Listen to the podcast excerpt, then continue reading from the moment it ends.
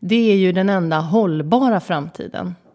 Att det är kreatörerna som får den makt de förtjänar. Som de själva har byggt upp.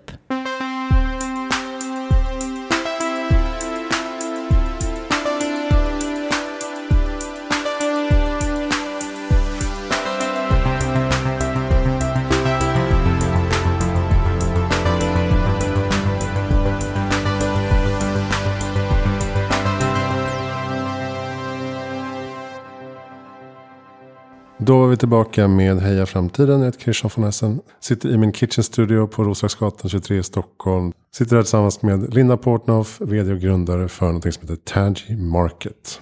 Yes. Välkommen till podden.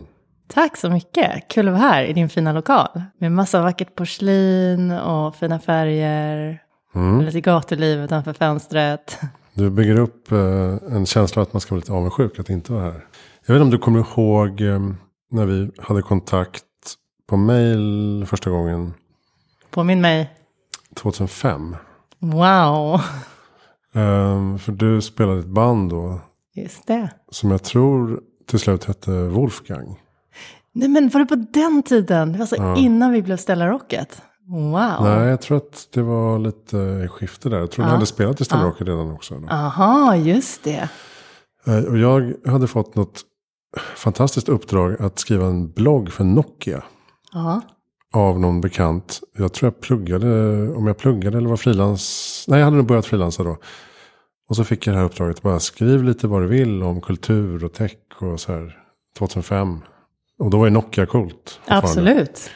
Och så kom jag att jag fick typ så här, ja men det, du får 10 000. Jag bara shit, 10 000 för att blogga, det här är helt fantastiskt. Ja, det här är så coolt. Fick skriva Wow. om så här eh, obskyra roliga tv-serier och stand-up-profiler och band som jag gillade. Och Wow. lite så här. Och då profilerade jag er lite snabbt där. Och då kom jag ihåg, jag såg i mejltråden att vi hade en livlig diskussion om vad bandet egentligen hette. Om det var Murder Rose eller om det var Wolfgang. Och så började du liksom, nej vi är lite osäkra här. Vi har, vi har en lista här på 12 namn. Ja, ja. Eh, vad tycker du? Jag bara, men förlåt, jag, jag har en deadline här. Jag vet inte, får- bara välj något. Ja, men då blir det nog Wolfgang. Jag bara, okej. Underbart. För det, vi, har, vi har haft en spelning och då Ja. hette vi Wolfgang. Ja, just det. Hette ni det? Ja, men Länge. vi hette det några spelningar. Och då var det väl eh, Andreas, Tobias, Tove och jag. Tror jag. Var det, var det den eran? När Jenny inte var med. Men vad spännande. Wow, nu tar du mig down memory lane här. Ja, precis. Och, och du- hade alltså spelat dem i Stella Rocket med Ja. eh, Erika. Just som det, är precis. vår gemensamma vän. Ja, exakt. Fantastiska Erika Erika. Och sen så har vi liksom, jag vet inte, man connectar ju någonstans på sociala medier. Mm. Facebook var väl nytt. Och sen så eh, har jag liksom följt det lite på håll. Och eh, har sett att du varit inne i musikindustrin på olika sätt. Eh, vad hette det andra? Right Band. Mm. Vad var det då? Så här, Right Band är det företag som eh, Tangy Market är ett varumärke kan man säga. Vi kallar vår app för Tangy Market. så, att, ja, så att när vi grundade det här företaget för många år sedan som ett forsknings och utvecklingsbolag så eh, var det under namnet Right Band. Och sen så kände vi så här innan vi skulle lansera nu att vi behövde ett lyft och Ja men det här kommer tillbaka till mig alltså med namnen och vad ska det heta? Ska det vara Wolfgang eller Murder Rose eller Right Band eller Tangy Market? Alltså att, att ibland kan man behöva eh, byta namn kanske. Alltså det här är så kul. Heja framtid. Det var redan då alltså var du i framtiden. Det är inte konstigt att du kör den här podden. Exakt.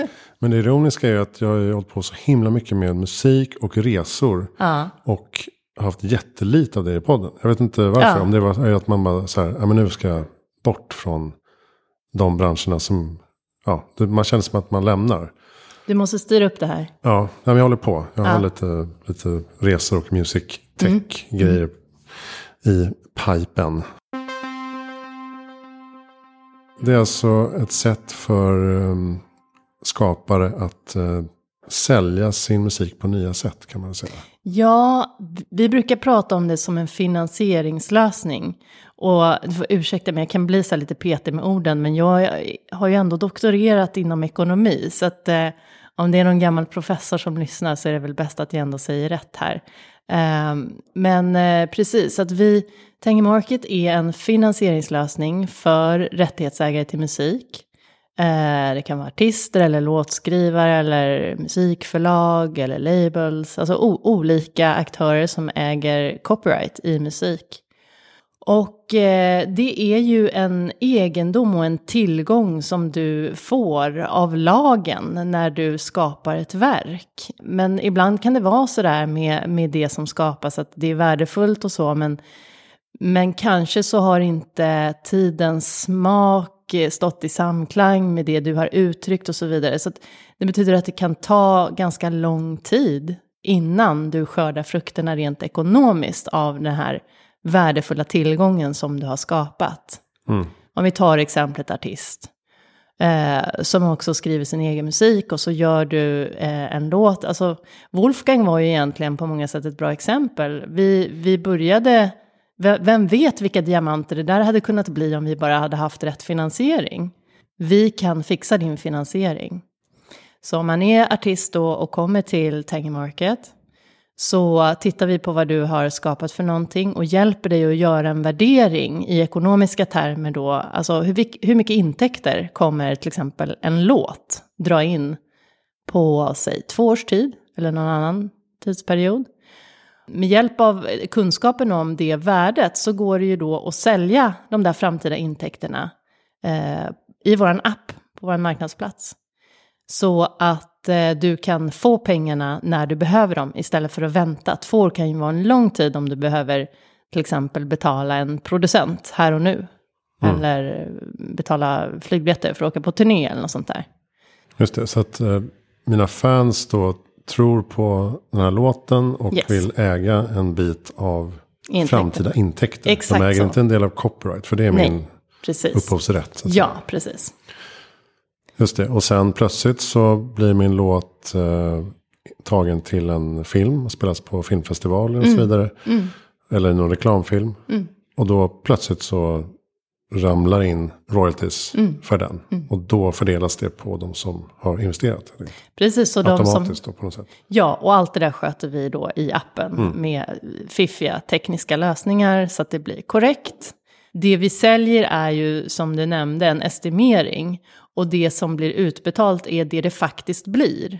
Och det lämnar ju då utrymme för att det kan bli en diff, alltså att det kan bli eh, både mer eller mindre än vad vi förutsåg. Och det är det då som, som kan bli investerarnas vinst, så att säga. Att om de hjälper till att faktiskt jobba och marknadsföra och streama och köpa konsertbiljetter och liksom höja musikens värde, så, så blir det en win-win då. Det talar väl då för den här framtiden som vi ser med att kreatörerna själva blir varumärken, egna skivbolag och så vidare. De har följarskaror på sociala medier och kan då mobilisera ett slags community som också investerar i produkten. Exakt så. Och det är det som vi är övertygade om måste vara framtiden. Det är ju den enda hållbara framtiden. Att det är kreatörerna som får den makt de förtjänar. Som de själva har byggt upp. Det är ett jättebra exempel det du nämner. Att om du jobbar upp en följarskara och liksom en community med, med trogna lojala fans. Så har du nu en möjlighet att direkt av dem också finansiera eh, investera i din karriär. Och då blir det inte bara så här, stöd mig på Patreon så att jag får pengar automatiskt av dig. Utan det blir, det blir faktiskt en, en transaktion, ett ägande. Det är exakt så, precis så. Och, och det är liksom den, om man ska kalla det första vågen av vad som hände i musikbranschen. Med Kickstarter och Patreon och Bandcamp. Att, att det blev möjligt för fans att kunna stötta och backa. Det är ju jättebra och den modellen passar många. Men vi har liksom, vi skapar den andra vågen på det eh, tänket och, och går vidare och liksom vill kanske lite tycker att eh, ja, men det är ändå någonting som skaver i den här bilden av att eh, konstnären, eh, musikern eh, ska komma med mössan i hand och tigga pengar. Det är ju helt fel. De gör ju, de skapar liksom en oerhört värdefull tillgång. Jag vill vända på den bilden och, och lyfta upp liksom, upphöja de här skaparna i vårt samhälle.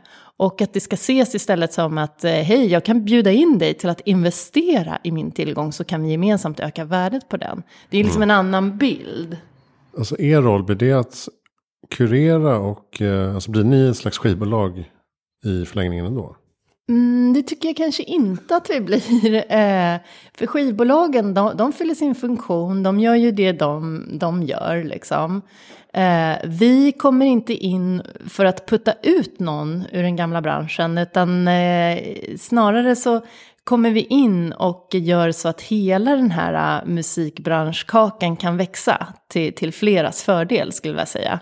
Men apropå att kurera så har vi ju en kurerande roll i dagsläget att eh, eh, vi är ett litet företag som inte har funnits så länge och vi har inte outsinliga resurser. Så att vi, vi klarar inte av att säga till all världens musik, hej och välkommen till framtiden, var med på Tangy Market. Så vi måste kurera. Mm. Så, så vi, vi väljer ju ut vilka som har möjlighet att vara med och, och testa på det här i dagsläget. Men visionen är ju att, jag menar, all musik ska finnas där och, och bli investeringsbar. Mm, just det. Det är det jag tänkte komma till med kreatörsroll, eller kreatörsmodellen där. Att då finns det också ett incitament för fansen att sprida musiken vidare. Det är ju precis det som händer ja. Mm. Det blir ett incitament, precis. För jag har ju testat lite, jag, jag ägnar lite så här sovrums singer-songwriter-grejer. Mm. Uh, Any Day heter det. Mm. Och uh, jag har testat först så här, jag, jag hade MySpace tidigt uh, då. Och mm. sen har jag testat lite Bandcamp nu. De kan ta betalt direkt mm. från mm. vänner och sådär. Det är ju kul. Uh, och sen testade jag Amuse. Där man uh, kan i appen ladda upp musiken direkt. Och så kommer den ut på alla streamingplattformar mm. efter en vecka. Mm. Helt fantastisk tjänst. Um, men det, det händer ju inget eftersom jag inte har några följare. Det är ingen som precis. känner till det. Mm. Och jag orkar inte sprida det hur mycket som helst. Så att det, ligger ju, det fastnar ju där. Liksom. Mm. Eh, jag får ut det på alla plattformar. Det finns distribuerat i hela världen. Men ingen hittar det och ingen vet mm. om det. Mm. Eh, så att det blir inga pengar ändå. Nej men precis, det behövs ju fortfarande jättemycket innovation för just den här att få spridning. Eh, som du säger. Och, eh, för, för, det är ju fortfarande, även om tekniken möjliggör eh, i teorin stor spridning och så vidare, så är ju fortfarande utmaningen liksom att jobba det och, och hitta, verkligen nå fram till de lyssnarna som är, vill ta emot det mm. som du skapar. Men kan ni bidra där? Alltså är ni distribu distributör? Vi är ju plattformen. Jag tror man ska se oss som en oberoende plattform tror jag. Eh, vi, vi lägger inget värde i vilken musik som ska spridas eller så, utan, men vi ger bara mm, verktygen till då de som själva investerar. Eh, för det första så majoriteten av alla eh, som är med på Tengemarket idag på artistsidan och, och av kreatörerna Eh, när, när de går med så kör de ut i sina sociala kanaler. Hej, nu kan du vara med och investera i min karriär. Och sen så är det ju då, vi har ju skrapat ihop användarbasen. Så att de som är, är köpare är, är ju nya målgrupper för artisterna i de allra flesta fans. Och sen så ökas det på då med, med deras egna fans. Så att eh, vi, vi bidrar ju till att musik hittar nya lyssnare. Eh, och, och, det blir ju också det här incitamentet som du pratar om. Att, att eh, när man sprider ut ägandet i de här framtida intäkterna på det här sättet. Så att många är med och investerar. Så får man ju många fler ambassadörer som kan hjälpa till att sprida i sina kanaler. Så att det kan bli ringa på vattnet. Mm. Det var ett uppmärksammat fall när ni jobbar med Christina Aguilera. Mm. Uh, en låt som heter Come On Over från 90-talet. Hur funkade det egentligen? Den lades upp på Tangy Market som så här, här kan ni som privatpersoner investera i den här låtens mm. framtida mm. Uh, möjligheter och intäkter. På När man går in i appen och, och klickar, de som ännu inte är välkomna att ladda ner appen, får man göra sån här busreklam? Ja, ja. eh, för det första så, så eh, ser det ut kanske som en blandning mellan någon sorts eh, musikstreaming-app och eh, ett Nordnet eller någon sån här investeringsapp. Men, och så har du då möjlighet att lyssna på musiken. Så att du, du kan lyssna på eh, en snippet av Common Over. Och sen så kan du klicka in dig i eh, vad vi kallar för ett prospekt eller motsvarande. Där det finns mer bakomliggande information då. Okej, vad är det egentligen för intäkter jag köper här? Och då ser man i det här fallet att du köper intäkterna från två av låtskrivarna bakom Christina Aguileras eh, gamla hit, Billboard detta, som är Paul Rein och Johan Åberg. Och det här är ju liksom ett, ett typiskt case på vad vi kallar det svenska musikundret. Vi har ju så många duktiga låtskrivare och producenter bakom de allra största världsartisterna. Så som svar på din fråga, exakt, du köper alltså intäkterna från då de här STIM-anslutna rättighetsägarna i det här fallet. Mm. Och, och, STIM tycker inte att det här, er modell är konstig, Du, du har jobbat med STIM också. Så. Ja, precis. Eh, jag sitter i styrelsen för STIM eh, och jag har jobbat i många olika relationer med STIM och vi har ett eh, samarbetsavtal med STIM så, eh, som gör det möjligt då för STIM-anslutna att eh, erbjuda eh, investeringsmöjligheten i STIM-intäkterna just. Får man bara tar en minut till att lära ut lite snabbt så här, musikbranschens ekonomi. Mm. Så finns det ju olika intäktsflöden. Eh, majoriteten av pengarna kommer från livekonserter eh, och det var därför pandemin slog så himla hårt åt hela branschen. För där försvann ju mer än hälften av intäktsmöjligheterna för många som då aktiva eh, också framför sin musik på scen live. Men sen så har du eh, de här upphovsrättsliga intäkterna som kommer från när musiken framförs i radio, på tv och internet och de här STIM-pengar för låtskrivare och musikförlag. Och sen så finns det en organisation som heter Sami som samlar in upphovsrättsliga intäkter till artister och musiker. Och så finns det IFPI, skivbolagens organisation, som samlar in för eh, musikbolagen. Så det finns olika och sen det är de två Ja, så har vi SKAP så, som är en av eh, stiftarorganisationerna bakom STIM till exempel. Som också företräder eh, låtskrivarintressen, kompositörer. Och textförfattare. Och den tredje delen av kakan, vi, vi sa vi hade live, vi har de upphovsrättsliga intäkterna och sen så har vi eh, intäkterna från inspelad musik. Som i den gamla världen var liksom LP-skivor, kassettband, sen blev det CD-skivor och nu är det streamingintäkter. Så där finns det lite olika intäktskällor. Och mm. då, kan man, då, då har vi olika avtal med olika intäktskällor som är de intäkterna som vi säljer i appen. Till exempel Amuse nämnde du. Så att man kan också investera i Amuse-pengarna för en artist. Mm. Och, eller STIM-pengarna, eller en kombination av både och. Så all den här liksom finstilta detaljinformationen finns där också. Det låter lite svårnavigerat men det kanske inte är det. Ja men det var nog bara för att jag började berätta massa detaljer. men, men, så här. Ja men det är ju det är så här det ser ut. Ja det är så det är. Och eh, eh, utmaningen som med allting det är ju att Alltså det mesta i livet är ju rätt komplext om man lyfter på motorhuven och tittar ner och ska förstå allt. Men jag är rätt glad att bara rulla runt i min Ford, jag behöver inte fatta varje detalj. Men det funkar ändå. Mm. Så, att, så att vi har ju liksom eh, lyckats nu med det, att skapa en app som, som funkar utan att man kanske måste veta alla detaljer. Men jag drar den då för de som är intresserade. Jag, jag jobbade med Stims årsredovisning för något år sedan. Ja. Och det var också väldigt komplext. Ja. Alltså att, att för dem själva också att förstå ja. allting eh, och förklara. För att eh, när man ska samla in pengar från utlandsmotsvarigheter till STIM så är det mm. ganska rörigt. Mm. Eh, vissa räknar på olika sätt, eh, vissa betalar ut eh, helt olika tidpunkter. Så att, eh, och plötsligt så fast, har pengarna fastnat på grund av juridiskt tjafs i, i Tyskland i fem år. Så bara, mm. oj nu kommer de loss. Mm. Så kommer en klump. Mm. Och så delas ut, det ut. Uh, och så kanske sju låtskrivare på, en, på samma Absolut. låt. Och så ska det fördelas. Så att det, det är väldigt mycket så här processer som sker i bakgrunden. För ja. att det här ska funka. Ja, verkligen. Absolut. Och så techjättarna. Som så här, ja, exakt. Varför ska inte de betala? Det var ju det som var Stims ja. eh, stora fråga för ja. något år sedan. Precis, det var ju eh, det var några år innan pandemin, men eh, när jag fortfarande då var kvar i rollen på halvtid som vd för Musiksverige, som är en branschorganisation som, ja, STIM är bland annat en av grundorganisationerna till Musiksverige. Och Musiksverige tar fram ekonomisk statistik varje år på ja, hur det går liksom, i olika delar av branschen. Då såg vi att alltså intäkterna från vinylförsäljning, jag minns inte exakt vilket år det var, kan det ha varit 2016 eller 2017 kanske, var större än intäkterna från YouTube. Mm. Och då har vi liksom eh, vår tids viktigaste, det var innan TikTok fanns, ja, det är här vi konsumerar musik. Så det säger ju någonting om, om hur skevt, alltså hur mycket jobb det finns kvar att göra mm, i det underliggande.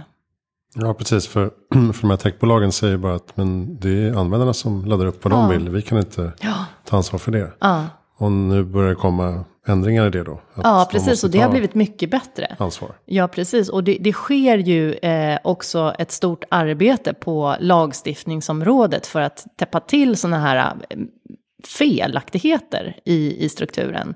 Så ska det inte gå till, det ska inte vara möjligt. Och här, det är ju egentligen ett ekonomiskt problem. Techjättarna som har så mycket ekonomiska resurser som kan sätta världens främsta eh, lobbyister på att verkligen liksom driva det som är lönsamt ur ett affärsperspektiv för dem. Och eh, just när det gäller den frågan så, så gömde de sig länge bakom så här kallade safe harbor, alltså någon liten lucka i lagen som gör att det är en gråzon och att det kan få fortsätta vara på det sättet. Så det här är ju ett arbete som pågår varje dag. Samtidigt finns det andra, andra delen av debatten som tycker att eh, internet ska vara fritt. Och man ska Mm. få remixa och posta och göra precis vad man vill. För att det är så man skapar liksom, Ja. nya saker.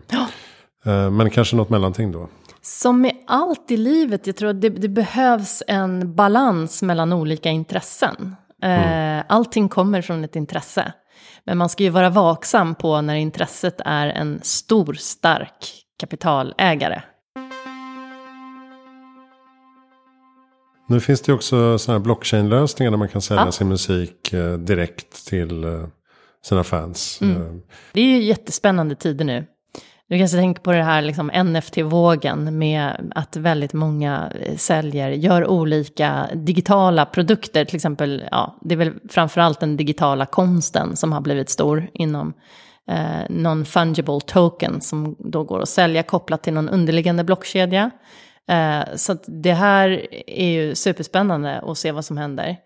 Så, så det följer vi med stort intresse och jag följer också med stort intresse just pengarna, hur de fördelas till, om man tittar från riskkapitalets håll.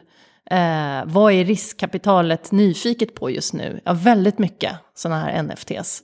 Eh, kryptovalutor, eh, fortfarande blockchain och så. Så att den här eh, framtidens teknik och alla olika användningsområden för det, det tror jag att vi kommer se jättemycket hända nu de närmsta åren bara.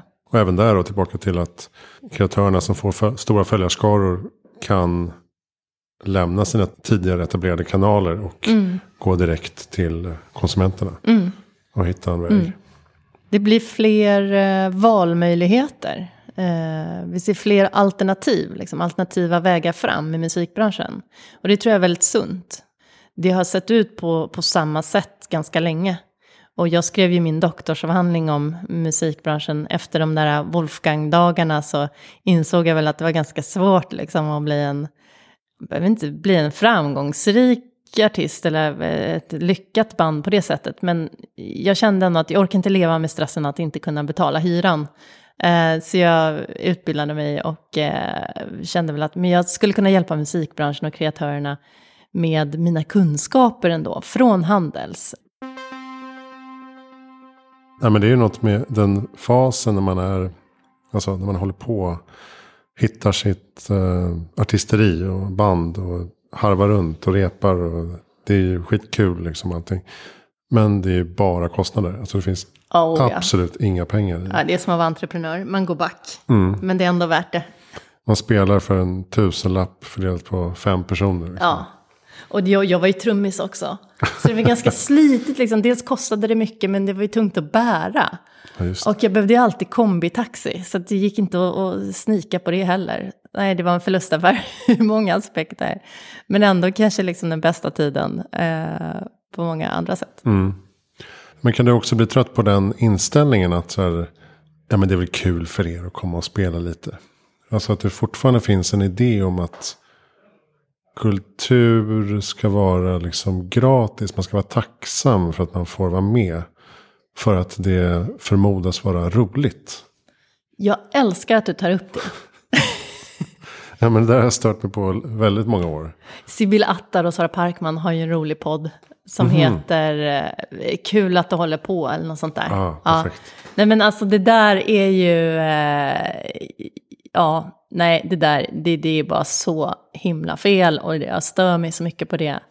Kultur är ju i många människors liv något av det mest livsnödvändiga. Så det är så sjukt att vi inte kan liksom hålla två saker i huvudet samtidigt. Att det, det kan vara gott och bra och härligt och, och alla ska få vara med. Och det, men det kan också vara eh, ett yrke för många. Och om vi inte har en, ett professionellt musikliv, då kommer vi utarma kulturen. Det kan ju vem som helst fatta. Så det, och det är också så här att, att de som håller på med kultur inte ses som, jag vill inte säga att de, de är andra eh, klassens medborgare, men nästintill, alltså nära på. Eh, mm. Och det tycker jag är helt fel. Det, vi, vi har ingen tradition, vi ingen, de, de, de är upphöjda i alla fall i, i, för mig. Mm. Och eh, jag, jag vill bidra till att liksom ha dem där uppe. De, de måste få, det, det, är jätteviktigt att vi har eh, en, en professionellt fungerande hållbar industri. Ja men det är alltid lite ironiskt att här, ljudteknikern får ju betalt. Serveringspersonalen får betalt. Bandet får bärs. Typ. Ja. Nej men det, det är så här sjukt alltså. De, de, de står sist ner och, och, blir det något över. Och så, så, jag menar, vi har ju båda hållit på och spelat i band och så mm. Det är precis så man gör. Att man ser till att alla får betalt och blir det något över så, så eh, tar man ut det själv. Men det blir ju sällan det. Det gör ju liksom att där tappar vi Alltså nu tror jag världen klarar sig jättebra utan Wolfgang till exempel, kanske, och många andra band också. Men med just den här liksom, finansieringslösningen som, som vi har jobbat fram, så hoppas vi ju att det ska ge fler möjligheten att kunna satsa professionellt och ta mm. sig själva på allvar. Och kanske skita i det där extra jobbet under några månader för att ge sig själv chansen. Och investera och ta sig till nästa trappsteg. Precis, och som du nämnde innan, innan i början där att man, har, man behöver en finansiär. Alltså, ja. Man får se det som en startup. Här, det är precis så. Vi behöver också ja. kapital för att kunna växa. Det är klart. Jag har spelat dels eh, band i Singapore som heter Return to Fall. Gjorde skiva och press och konserter. Och mm. sådär. Höll på att hända saker. Spelade i ett band som heter The Flare Up i Stockholm. Skiva, press, eh, distribution. Höll på att hända saker. Men det finns ju alltid någon så här eldsjäl i bandet som mm. går all in och, så, och liksom mm. är beredd att lägga sitt liv mm. på rälsen. Och jag är inte den personen. För att mm. jag har alltid känt att jag kommer inte kunna leva på det här. Jag måste ha min utbildning, jag måste ha mm. plan B, jobb. Mm. Och då är det ju underförstått i, i hjärnan att det kommer aldrig bli något på riktigt. För att man bromsar lite grann. Så här. För att man orkar liksom inte igenom det här. Det kallas väl uh, the value of death. Alltså mellan, det här mellan ah. startup och scale-up-bolag till exempel. Mm. När man inte har uthållighet mm. och kapital uh, för att komma över klyftan. Mm. Och där, där faller jag i alla fall. Ja, och där har jag väl kanske för första gången i mitt liv lagt mig på rälsen. Eh, för att nu jävlar ska världen ha Tangy Market. Mm.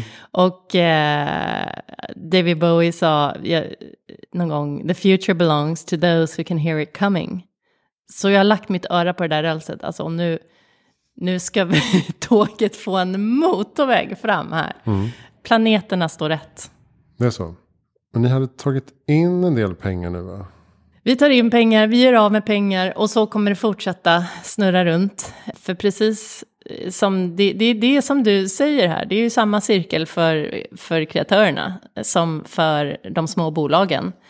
Först är man ingenting och sen så blir man liten och sen så fortsätter man vara liten länge och man hasslar och har sig och sen så blir man mellanstor och, eh, och så går det olika fort för olika typer av företag eh, att gå från liten till stor. Eh, och vi, vi, är här på vår resa och vi får se hur, hur fort vi kommer kunna växa. Det kommer ju också utmaningar med det, liksom.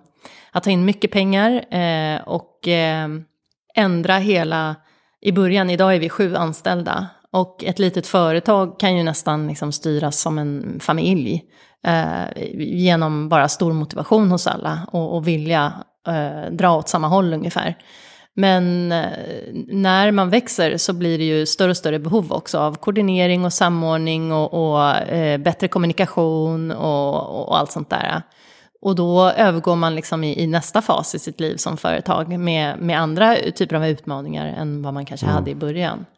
Så samtidigt som, som man bygger, i vårt fall, en produkt så, så bygger man också en organisation. Och, eh, och man bygger också en... Eh, man utvecklar hela tiden den värdegrund som man står på. Det, det tycker alla vi som jobbar tillsammans är väldigt spännande och väldigt viktigt att ha den diskussionen levande. Jag tror att Olga Stern är eh, CTO. Alltså. Ja, känner du henne? Nej, jag har bara stött på henne. Hon var på Knackeriet. Ja. Uh, Precis. Det, kollektiv. Ja. Heter det coworking-kollektivet. Ja, exakt. Precis. Och eh, hade en tjänst som heter Genius. Som, eh, nu läser jag här, hjälpte nyhetsredaktionen att jämna ut sitt eh, icke-jämställda fördomar. Så att säga. Ja, precis. Bias. Exakt. Ja, hon är helt otrolig. Det, det hör man ju. Eh, och hon är precis så otrolig. Och, eh, och har liksom gått igenom då den här startupresan och byggt företag och, och gått vidare från det. Och jobbat med kräkerier. Vi sitter kvar där förresten. Ja, ni gör det? I, ja, eh, ja, i Gamla stan. Ted Valentin. Ja, precis. Ja. Fantastiska Ted, shout out till dig. eh, så det, det, är en helt fantastisk miljö med så mycket eh, intressanta och generösa och eh, bra människor i kollektivet som mm. hjälper varandra. Sådär.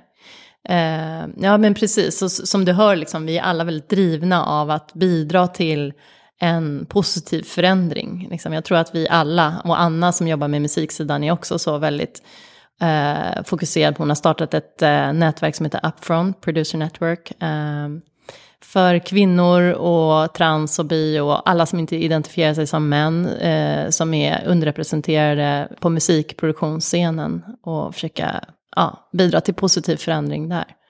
Så att vi, vi, eh, vi har alla sådana starka drivkrafter. Sen eh, ni är en del av den här music tech-scenen så att säga i Stockholm. Ja, men det tycker jag nog att jag känner liksom att eh, vi, vi, vi har våra syskon där ute med Snafu och Amuse och, och Tracklib och ja, det finns väldigt många som jag inte nämner också. Men visst är vi en del av det. Vi är ju liksom lite någonstans där mitt emellan. Eh, jag har också varit och pratat på Stockholm Fintech Week till exempel, som är en helt annan crowd. Jag tror inte att jag sprang ihop med en enda eh, musiker eller kanske ens musikintresserad person där. Eh, så det är en annan värld, men det vi också gjort är ju liksom att utvecklat någonting fintechigt som möjliggör då den här musikinvesteringsmöjligheten. Så någonstans i vi kanske kommer börja prata om music fintech snart. Ja, precis. För ni, eh, ni menar att de kreativa branscherna i den immateriella ekonomin omsätter 2250 miljarder dollar mm, varje år. Det är sinnessjuka belopp. Ja. Och det där är en rapport som Unesco har tagit fram. Och, eh, och hur man än mäter och, definierar, och jag vet ganska mycket om hur svårt det kan vara just när man ska så här, ringa in branscher och delar av en, av en ekonomi och hur man ser på den sektorn och vad den är värd i pengar och sånt där. Så man får kanske ta siffran med en nypa salt, men det är ju ändå så en storhet som säger till oss, det här är en extremt stor del av samhällsekonomin. Som är ganska förbisedd av investerare. Otroligt förbisedd, absolut. Och eh, det finns så mycket eh, fina investeringsmöjligheter, skulle jag säga, eh, för, för, de stora investeringar, investerarna i det här området. Jag brukar fråga vad är bästa tips för att göra världen bättre i framtiden? Som min gamla SO-lärare Per-Åke sa på mellanstadiet, när vi hade religion med honom. Inre frid, ge fred på jorden. Det tror jag väldigt mycket på. Mm. Vi måste hitta vår inre frid och det betyder olika saker för olika personer. Och för mig har min inre frid varit ganska kopplad till att jobba med Tangy, tror jag. Eh, men det handlar såklart inte bara om det. det. det. är ju lite djupare och andligare menat också. Mm, men att börja med sig själv och mm. må bra. Tror jag verkligen. Bra. Har du bra lästips eller poddtips? Eh, jag är mycket bättre på att läsa än på att lyssna på poddar. Men det finns en podd som heter How I Built This. Som jag tycker är intressant. Där man får höra liksom, olika företagsresa. Eh, och eh, lästips som ploppar upp nu på temat när du ställer frågan om, om eh, vad som är, är, viktigt för att eh, åstadkomma förändring. Det är såklart Herman Hesses Siddharta. Mm -hmm. det, det, är en liten tunn bok som alla människor måste läsa. Den är otroligt bra. Mm. Sedelärande, ja. Bra. Var den för mig i alla fall. Vem tycker att du ska intervjua? Jag skulle vilja lyssna på, okej, okay, jag, jag, jag har inget bra namn, men jag skulle gärna lyssna på en kvinna, eller underrepresenterad utifrån någon kategori, i en bransch. För att det kan jag relatera till så mycket. Dels i, i miljön på Handelshögskolan. Eh, så jag menar, det ledde ju till att jag och min eh, doktorandkollega Jenny Lantz eh, gav ut den här boken, antologin 179 år av ensamhet. Som handlar om kvinnors strategier för att möjliggöra en karriär. Eller ja, att överhuvudtaget göra sitt jobb på Handelshögskolan. För att det var... Ja, var det du som skrev det? Ja, okay. det var stora brister med jämställdheten där. Och jag, jag tycker sådana, alltså det är väldigt kul att få höra den sanna historien om att få en inblick i, i någons värld och eh, från det underrepresenterade perspektivet. Bra. Så du pratade alltså mer om, om musik och resor. Eh, så det vändiagrammet där, kanske musik, resa, underrepresentation. Ja, just det. Jag hitta ja, någon där. Jag får jobba uh, lite. Ja, ja, absolut. Jag ska, inte, jag ska inte göra det för lätt för mig. Hur ser jämställdheten ut i branschen idag då? Börjar det ljusna något? I musikbranschen? Mm. Eh, det tror jag tyvärr inte. Nej, Nej det, det händer ju alldeles för långsamt. Och jag menar, vi har gjort så mätningar och tittat på eh, hur det ser ut med eh, personer som är utrikesfödda, alltså med, med, kommer från en annan bakgrund och som är kvinnor på maktpositioner, eh, till exempel vd-position eller sitter i styrelsen. Och, eh, och nu säger inte siffror allting, men jag menar det är ju ändå en början att så här titta på just hur det ser ut eh, rent statistiskt. Och eh, i ett, det, det senaste tioårsperspektivet så, så ser det väldigt dåligt ut och ligger så här, ja, kanske 12, 14, 15 procent som bäst eh, kvinnor eh, på vd-position. Och som bäst kanske en tredjedels representation i styrelsen. Och det, ser, och det ligger snäppet under för utrikesfödda. Så både, alltså tittar man mångfald eller kön, så nej, underkänt betyg från mig. Mm. Hur ska man göra för att bryta den trenden då?